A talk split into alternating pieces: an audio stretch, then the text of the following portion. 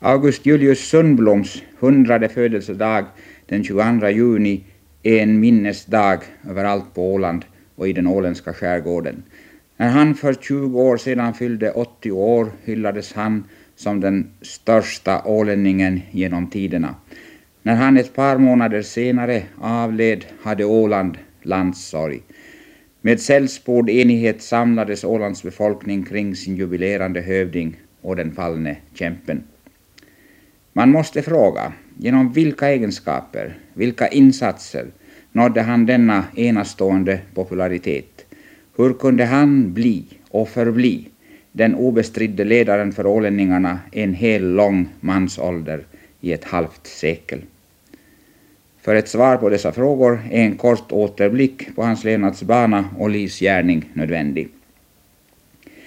Julius Sundbloms föräldrar var skärgårdsfolk, fadern Johan August från Fögle och modern Juliana Lovisa från Sottunga. Fadern var klockare i Jomala från år 1852 till sin bortgång år 1905.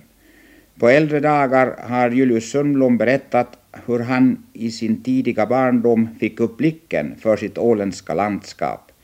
Med fadern fick han stiga upp till tornet av Jomala kyrka en solig sommardag. Han såg en oförgätlig syn. Det vattenblänkande, lövskimrande åländska landskapet omramat av en mörkare barrskogsbord. Den synen tände en hänförelse som brann hela hans liv och för, blev vägledande för all hans verksamhet.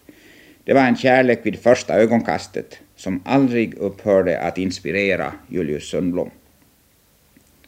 Den unge Julius visade tidigt sin begåvning. Fadern var intresserad för folkbildningen och det var därför helt naturligt att sonen skulle få bli folkskollärare. Från Nykarleby seminarium fick han avgångsbetyg år 1887. Redan samma år på hösten hade han lyckats få till stånd en frivillig skola i Jomala där han blev lärare. Hans tid som folkskollärare blev kort, endast till år 1891, men hans intresse för folkbildningen upphörde inte därmed. Bland annat hörde han till initiativtagarna och förespråkarna för Ålands folkhögskola när denna startade några år senare. Den unge läraren hade många pilar i sitt kåger. Bland annat hade han redan vid denna tid börjat medarbeta i olika tidningar. Han insåg att landskapet Åland med dess geografiska och folkliga särprägel hade behov av en egen tidning. En förespråkare för dess intressen, ett diskussionsforum för dess mångskiftande strävanden. Målmedvetet gick han in för startandet av ett tidningsföretag och han lyckades liksom han några år tidigare lyckats med sin folkskola.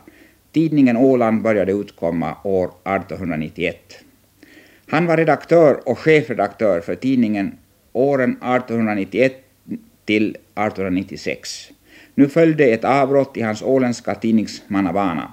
Han hade väckt uppmärksamhet som folkbildare och journalist och när man i Åbo planerade en ny tidning för Åboland, Västra Finland, erbjöd man Sumlom posten som huvudredaktör. Han flyttade till Åbo där han stannade i fem år. Sedan återvände han till Mariehamn och blev på nytt chefredaktör för den tidning han startat. Under hela 90-talet hade Finlands politiska liv präglats av en viss spänning och irritation i förhållande till Ryssland. Efter februarimanifestet år 1899 skärptes motsättningarna. Den så kallade ofärdstiden, den Bobrikovska eran, präglade skedets seklets första år. Julius Sundblom och hans tidning var ingalunda försagda, trots all hårdhänt censurpolitik. Denna kamp med tsarmakten ledde till att Sundblom landsförvisades år 1903. Han slog sig ner i Stockholm, där han liksom många andra finländare nödgades stanna ett par år. Eugen Schumans attentat mot generalguvernör Bobrikov år 1904 Rysslands nederlag i kriget mot Japan, den första ryska revolutionen år 1905 öppnade vägen till hemlandet för många landsförvisade och bland dem Sundblom. Han återvände till sin gamla post och blev genast ledare för storstrejken på Åland. Såsom den åländska storstrejkskommitténs ordförande ledde han strejken suveränt och gav den en fast och ordnad disciplin. Från och med denna tid kan man tala om folkledaren Julius Sundblom. Vid de första allmänna valen år 1907 var Sundblom nära nog självskriven som åländsk lantdagsmannakandidat. Han valdes med övertygande röstetal. I mer än ett decennium satt han som åländsk representant i lantdagen. Hans lantdagsmannabana slutade med att han år 1918 anhöll om befrielse från sitt uppdrag. Hösten 1917 hade han varit med om det kommunala representantmötet den 20 augusti på Ålands folkhögskola då ålänningarna för första gången i officiös form lanserade kravet på folkomröstning om landets, landskapets framtida statstillhörighet. Han ansåg sig inte kunna stå kvar som lantdagsman i Helsingfors när ålänningarna på allvar inledde kampen för landskapets självbestämningsrätt. I sin tidning och såsom talare förde han nu under några hektiska år den politiska strid som år 1920 ledde till lagen om självstyrelse för Åland och år 1922 till det första lagtima landstinget, där Sundblom blev talman, vilken post han innehade i nära ett kvarts sekel, ända till sin död. Liksom under ofärdsåren eh, råkade han också nu i konflikt med myndigheterna. Han häktades jämte Karl Björkman den 5 juni 1920, överfördes till Helsingfors och anklagades för högförräderi. Efter några veckor återkom de häktade i triumf till Åland och den fällande domen några månader senare resulterade i benådning. På hans meritlista fanns bland annat resan till Paris i januari 1919 då han tillsammans med Johannes Eriksson och Johan Jansson inför fredskonferensen framförde ålänningarnas fordran baserad på den av president Wilson aktualiserade principen om folkens självbestämningsrätt i samband med fredsuppgörelsen. Därmed hade problemet förts fram inför ett internationellt forum, vilket i sinom tid ledde till att Nationernas förbund år 1921 avgjorde problemet. Nationernas förbunds beslut gick ålänningarna emot i själva huvudfrågan. Finland tillerkändes suveräniteten över Åland, men Folkförbundsrådets beslut förutsatte att Åland skulle tillerkännas en betydande självstyrelse och nationella garantier. I Finland hade man redan innan Folkförbundet tog upp Ålandsfrågan varit inne på den linjen. Resultatet blev att Åland år 1922 förrättade val till landstinget vars första talman blev Julius Sundblom. Såsom talman under mer än två decennier gjorde Sundblom en grundläggande insats för den åländska självstyrelsens praktiska utformning. Men ännu en gång, åren 1938-1939 gjorde han en allmänpolitisk insats då ålänningarna under hans ledning motsatte sig landskapet Ålands befästande. Då fanns en viss opposition mot hans politiska linje, ehuru den aldrig blev så stor att den skulle ha kunnat hota hans position som ledare och numera torde de flesta ålänningar anse att Sumloms pacifistiska linje både ur allmän och åländsk synpunkt ledde till den lyckligaste lösningen. När Julius Sumlom den 22 juni 1945 fyllde 80 år och den 23 augusti samma år gick bort hyllades han av en fullkomligt enhällig befolkning, både av den överväldigande majoriteten anhängare och av de fåtaliga opponenterna. En adress till honom hade undertecknats av inte mindre än 7000 ålänningar, praktiskt taget hela den vuxna befolkningen. Under tre betydelsefulla brytningsskeden spelade Julius Sundblom en ledande roll som ålänningarnas erkända ledare. Första gången under ofärds och storstrejkstiden 1901-1905. Andra gången under revolutions och självständighetstidens begynnelsetid åren 1917-1922. För tredje gången ledde han sina ålänningar i en självständig politisk aktion åren 1938-39 under hotet från det andra världskriget. Och under de mellanliggande åren var han outtröttligt verksam som talare, som journalist, som organisatör, som landtagsman, som kommunalman, som talman. Han var den initi initiativrike, aktive medborgaren på samhällslivets alla områden. Han var mannen med den sansade blicken och överblicken den liberale idealisten med social vidsyn, den realistiske politikern med sinne för det som var rimligt och möjligt. Ett ledarskap av denna ovanliga halt och resning byggde helt och hållet på Julius Sumlons personliga egenskaper och prestationer. Han hade vuxit upp i ett hem som kanske kan kallas välbärgat men alls inte förmöget.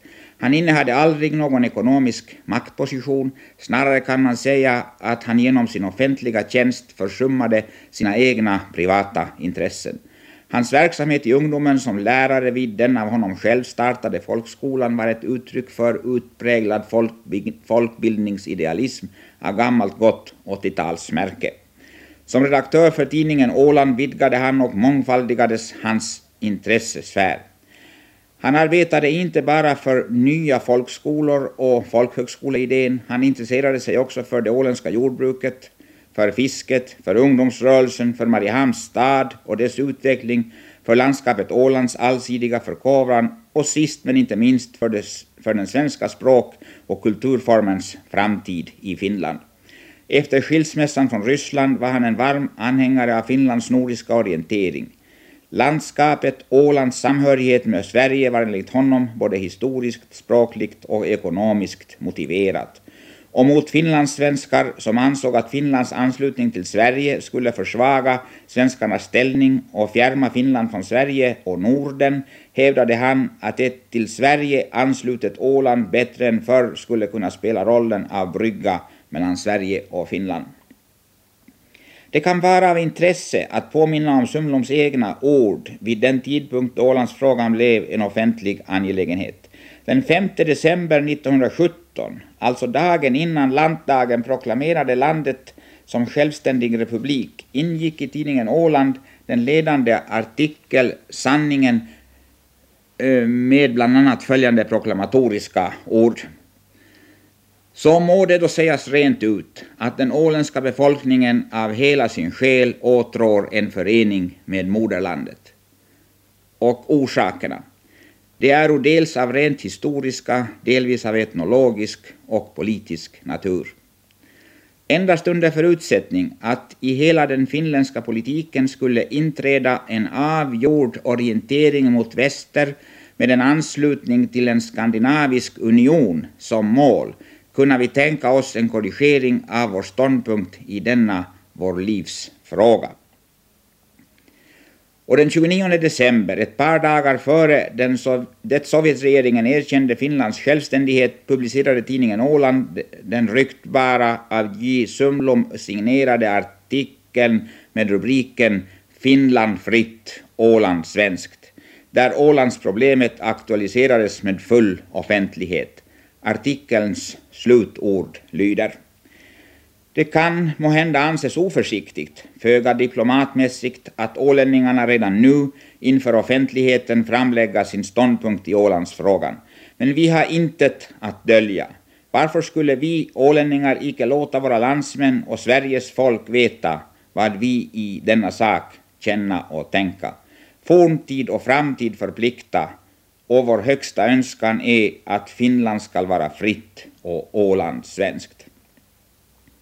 Redan den 20 augusti hade, som jag nämnt, kommunalmötet i Finström rest kravet på självbestämningsrätt. Den omständigheten att ålänningarna redan innan Finlands självständighet var ett juridiskt faktum rest sina krav fick en viss betydelse i fortsättningen. Därmed motiverade den internationella juristkommissionen att Ålandsproblemet var en internationell angelägenhet och det förde några år senare frågan inför Nationernas förbund, där beslutet på förslag av engelska regeringen blev att Finland fick suveräniteten, Åland självstyrelsen. När sedan frågan om sidor avgjordes i Genève i juni 1921 visade Sumlom åter en gång sin politiska realism. Ehuru han i det längsta krävt och hoppats på självbestämningsrätten skrev han nu den 29 juni följande. Domen i Ålandsmålet har nu fallit. Hur vrång den än är, är och hur bittra känslor den än framkallat skall det lugn som hittills präglat ålänningarnas alla tillgöranden icke heller nu svika. Förbundsrådet har berövat ålänningarna rätten att komma hem till Sverige. Men hoppet att en ljusare dag skall randas då rätt och rättfärdighet äntligen blivit något annat och mer än vackra ord skall ingen kunna beröva dem. Med sådana ord uttryckte Sundblom sin och ålänningarnas resignation efter avgörandet i Genève. Privat hade han yttrat till en vän. Nu ska vi arbeta. Och för egen del visade han under sin mer än 20-åriga tid som talman i Ålands landsting att han och ålänningarna nu skulle och ville göra det bästa möjliga av den självstyrelse de uppnått. Samma realism ha, ha, visade han åter prov på i slutet av 30-talet då frågan om Ålands befästande kom på dagordningen. Den befrielse från värnplikten som ålänningarna i samband med självstyrelsen uppnått ville han och majoriteten av ålänningarna på inga villkor uppge. De ville inte heller under några förhållanden vara med om permanenta befästningar. Nu kämpade Sumlom och hans landsting på många fronter. Mot Finlands regering, som i neutralitetens intresse ville försvara Åland. Mot den svenska regeringen och utrikesminister Sandlers planer på samverkan mellan Sverige och Finland. Mot lantrådet Karl Björkman och hans anhängare, bland dem riksdagsman Herman Mattsson, som var beredda till vissa åländska eftergifter i försvarets intresse.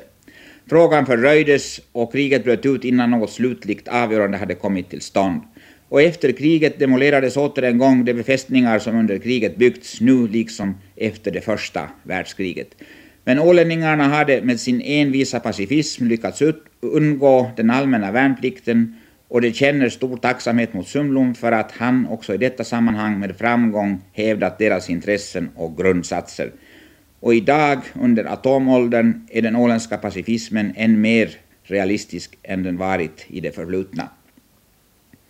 Julius Sundblom var framförallt idépolitiker.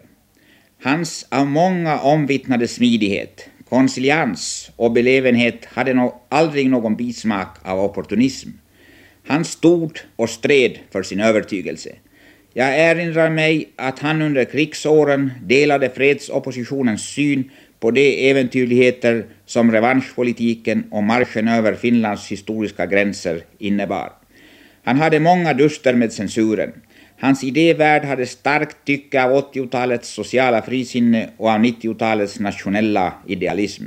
Men jag tror att det framför allt var en kombination av hans lysande vältalighet, stora pliktkänsla och energi, hans praktiska blick och intelligens, hans övertygelsestyrka och övertygelsetrohet, hans personliga charm och naturliga värdighet och auktoritet som gjorde honom till ålänningarnas centrala ledande personlighet under en mansålder, till en åländsk statsman och som gav honom ett ärenamn som han kanske inte tyckte om, men som ålänningarna tyckte om att kalla honom, kungen.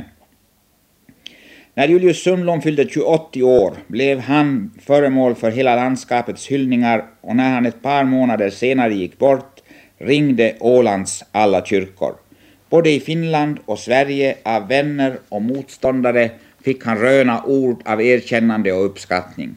Vackrare och vältaligare än någon annan uttryckte sig minister Birger Johansson i Stockholm. Han hade varit Sveriges konsul i Mariehamn under de kritiska åren för separatismen. Jag vill sluta med att citera hans hyllning till 80-åringen. Den lär oss förstå vad det var som förde Julius Sundlom till hans enastående ställning på Åland och bland ålänningarna. Ur havet stiger Åland. Ur havet lyfter sig dagens sol och i havet sjunker den åter tillbaka. Nattens måne speglar sig i vida vatten. Havets vindar spelar över Ålands tusende öar och skär. Åland är ett med havet. Havet är frihetens hemvist.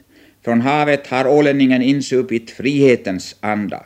Ålänningen är som sol och vind, klar i tanken, ljus i blicken, lätt i sinnet. Julius Sundblom är den sanne sonen av sin bygd. I honom sammanstrålar ålänningens yppersta tankar och känslor till ett lysande och mäktigt helt. Han är Ålands själ, dess sjudande blod och brinnande hjärta. Han har vikt sitt liv åt sitt land. Han för dess baner. Han är en, en av ljusbärarna på mänsklighetens långa och tunga väg tillbaka till det förlorade paradiset.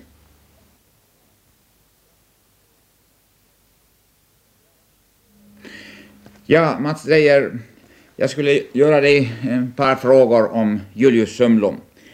Eh, du hade ju kontakt med honom redan för länge sedan Kan du berätta någonting om dina tidigaste och tidigare förbindelser med, med Sundblom?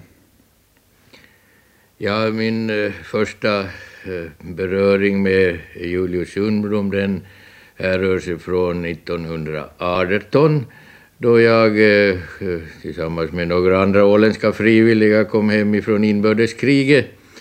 Eh, jag hade ju inte varit politiskt intresserad, jag visste ingenting om Ålandsfrågan och, och var eh, tämligen desorienterad i allt som skedde just den där tiden.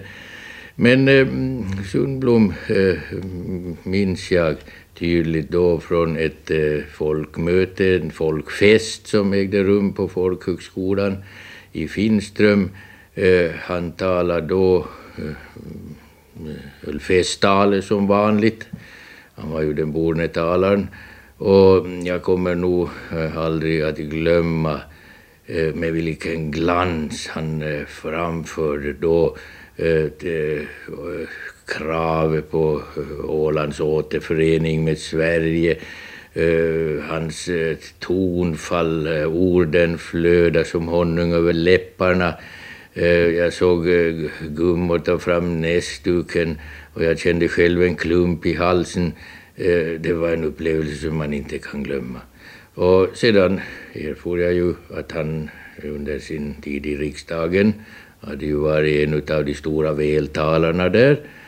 Och mm, det eh, fick jag många gånger också senare erfara när han då höll sina stora tal, särskilt vid sångfesterna i Mariehamn. De var lysande eh, prov på vältalighet. Nå, du hade ju också senare kontakt med honom. Var det inte så att du arbetade en tid vid tidningen Åland? Ja, det, det, det så. Jo, då kom jag i närmare kontakt med honom kan man säga. Eh, det skedde då i samband med att eh, rektor Sundblom häktades. Då, 1920? Eh, 1920 var det, jag minns inte, det var slutet på maj någon gång eller början på juni.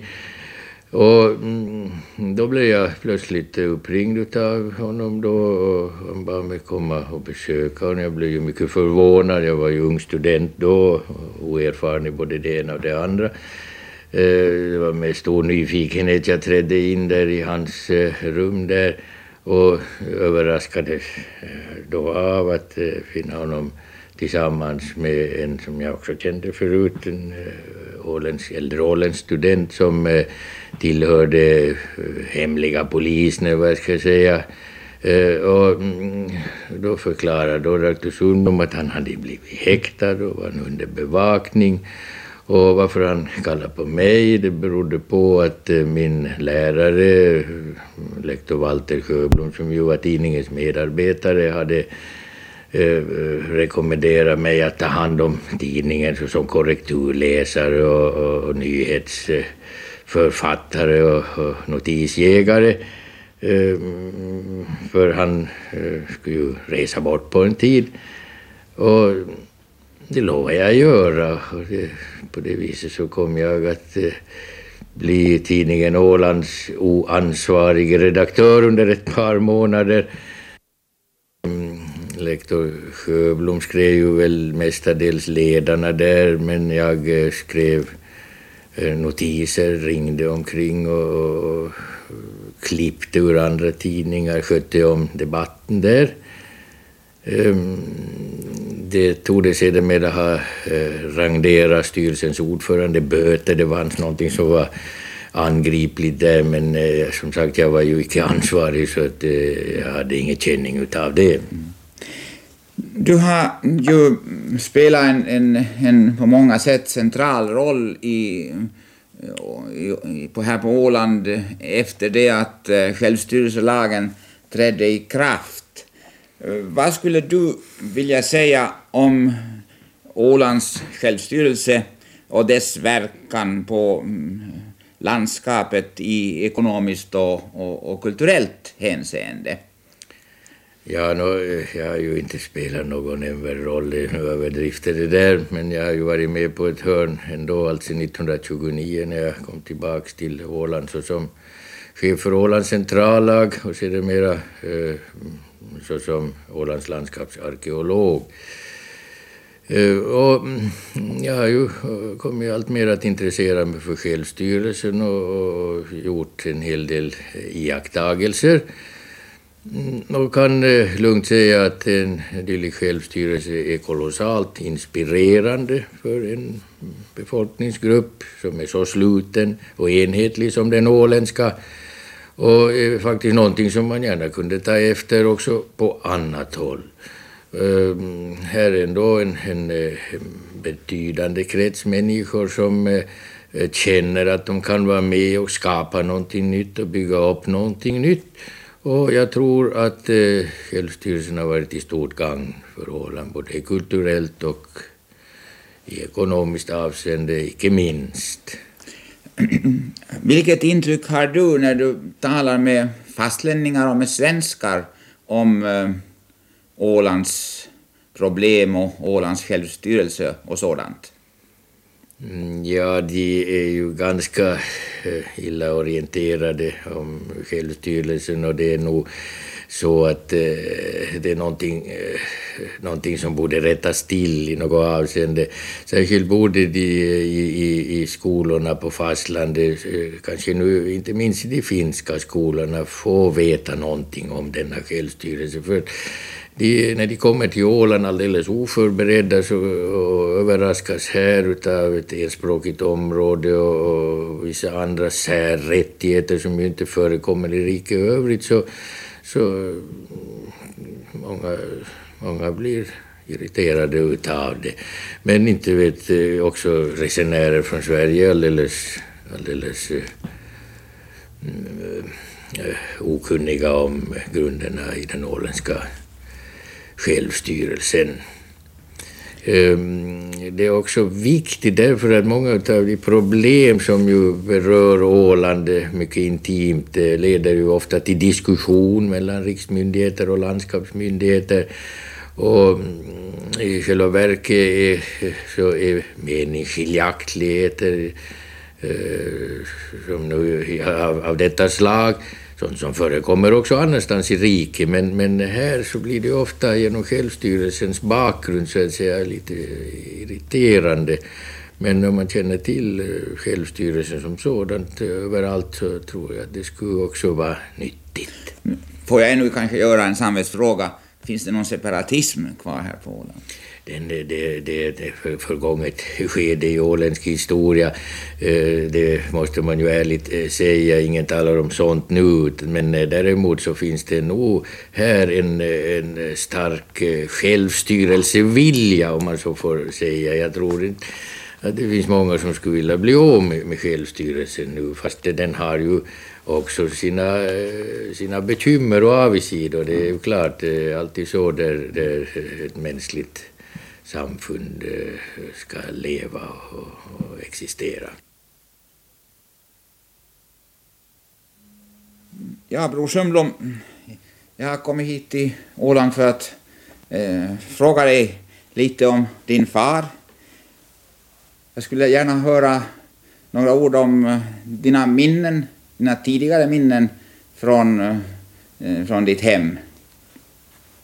Det för mig särskilt roligt att sitta och prata med dig. Du har ju varit på tidningen Åland själv och arbetat och eh, du och jag har varit de bästa vänner. Du har till och med lärt mig finska en gång i tiden om inte jag minns alldeles fel. Beträffande pappa Julle och mina första minnen så äh, äh, erinrar jag mig särskilt hans sångfesttal. De intresserar mig. Jag såg på när han förberedde sig på lördag kväll han gjorde stolpar och satt stilla i sitt rum och, och, skrev. Och så var det ju helt naturligt att jag följande dag följde med min mamma och hörde på hans tal. På mig verkade talen, som på så många andra, väckande och tändande och lärde mig redan tidigt inse värdet av hembygden och jag blev mer fäst och kände samhörigheten med hembygden större. Du kan själv se dig omkring här. Vi har ju faktiskt en vacker hembygd. Ja, det får man lov att medge. Eh, Pappas, eller pappa Julle, som vi kallar honom inte bara i den trängre kretsen utan kanske mm, också uh, rätt allmänt. Hans fritid var knappt tillmätt. Han uh, gick in för de många uppdrag han åtog sig, han gick med allvar in för dem. Och, men han hade ju ändå lite fritid. Och jag kommer ihåg särskilt de tidiga morgontimmarnas fisketurer med långrev. Jag maskade på på kvällen och så sa jag till åt pappa att nu ror vi ut och det, och det gjorde vi. På morgonen så väckte han mig och så tog vi upp. Han tog upp och jag rodde. Jag visste ju inte riktigt om vi skulle få någon fisk men när pappa visslade så visste jag att nu hade han napp på kroken och det stämde också. Och så var det en annan sak som intresserade honom och det var segling. Och söndagsturerna med segelbåten, den hette Lida, så har särskilt etsat sig i minne. Då fick vi som var hemma, familjemedlemmarna, rå helt om mor och far. Och det strandhugg vi gjorde så var det pappa som skötte om kaffekokningen. Jag minns ännu att han sökte upp en alkvist, doppade den i vattnet och trädde ka kaffepannan på den och så satte han den över den öppna elden. Eh, men jag kommer ju också ihåg att, att jag som så många andra gjorde mig skyldiga, ibland, kanske ganska ofta, för någonting som föll, inte föll honom i smaken. Och då blev det ju rättarting. Han var sträng, men eh, jag får nog erkänna att han var rättvis. Du minns kanske att eh, du kallades så som, så som barn så fick du heta kronprinsen och ibland lite så på spe. Nu har det ju gått så att, eh, att du har ju blivit eh, din fars efterträdare som eh, tidningen Ålands redaktör här på mm, här. Och jag skulle gärna höra några ord om eh, din eh, syn på, på din far som publicist. Ja, det där beträffande kronprins, det har ju ingenting egentligen. Det var, det var sagt på skämt av, jag tog kanske lite illa upp då, men, men nu spelar det ingen roll. Men eh, för oss på sätteri och tryckeri, jag jobbade från början som maskinsättare, var far det goda exemplet. Det skulle till exempel aldrig ha fallit honom in att, kom, att komma in utan att hälsa på oss. God morgon! Och när dagens arbete var slut tackade han oss och sa godnatt. Han intresserade sig också för de anställdas familjer och hjälpte dem då det behövdes och han kunde. De kunde komma till honom i rena familjeangelägenheter och han var glad om man kunde hjälpa, hjälpa på något sätt. Detta har förresten blivit ett genomgående drag hos ledningen och jag tror att trivseln i vårt företag är stor, inte minst just med tanke på ett hjärtligt och förståendefullt umgänge ledningen, arbetskamrater emellan. Far var ju en verklig tidningsman ut i fingerspetsarna.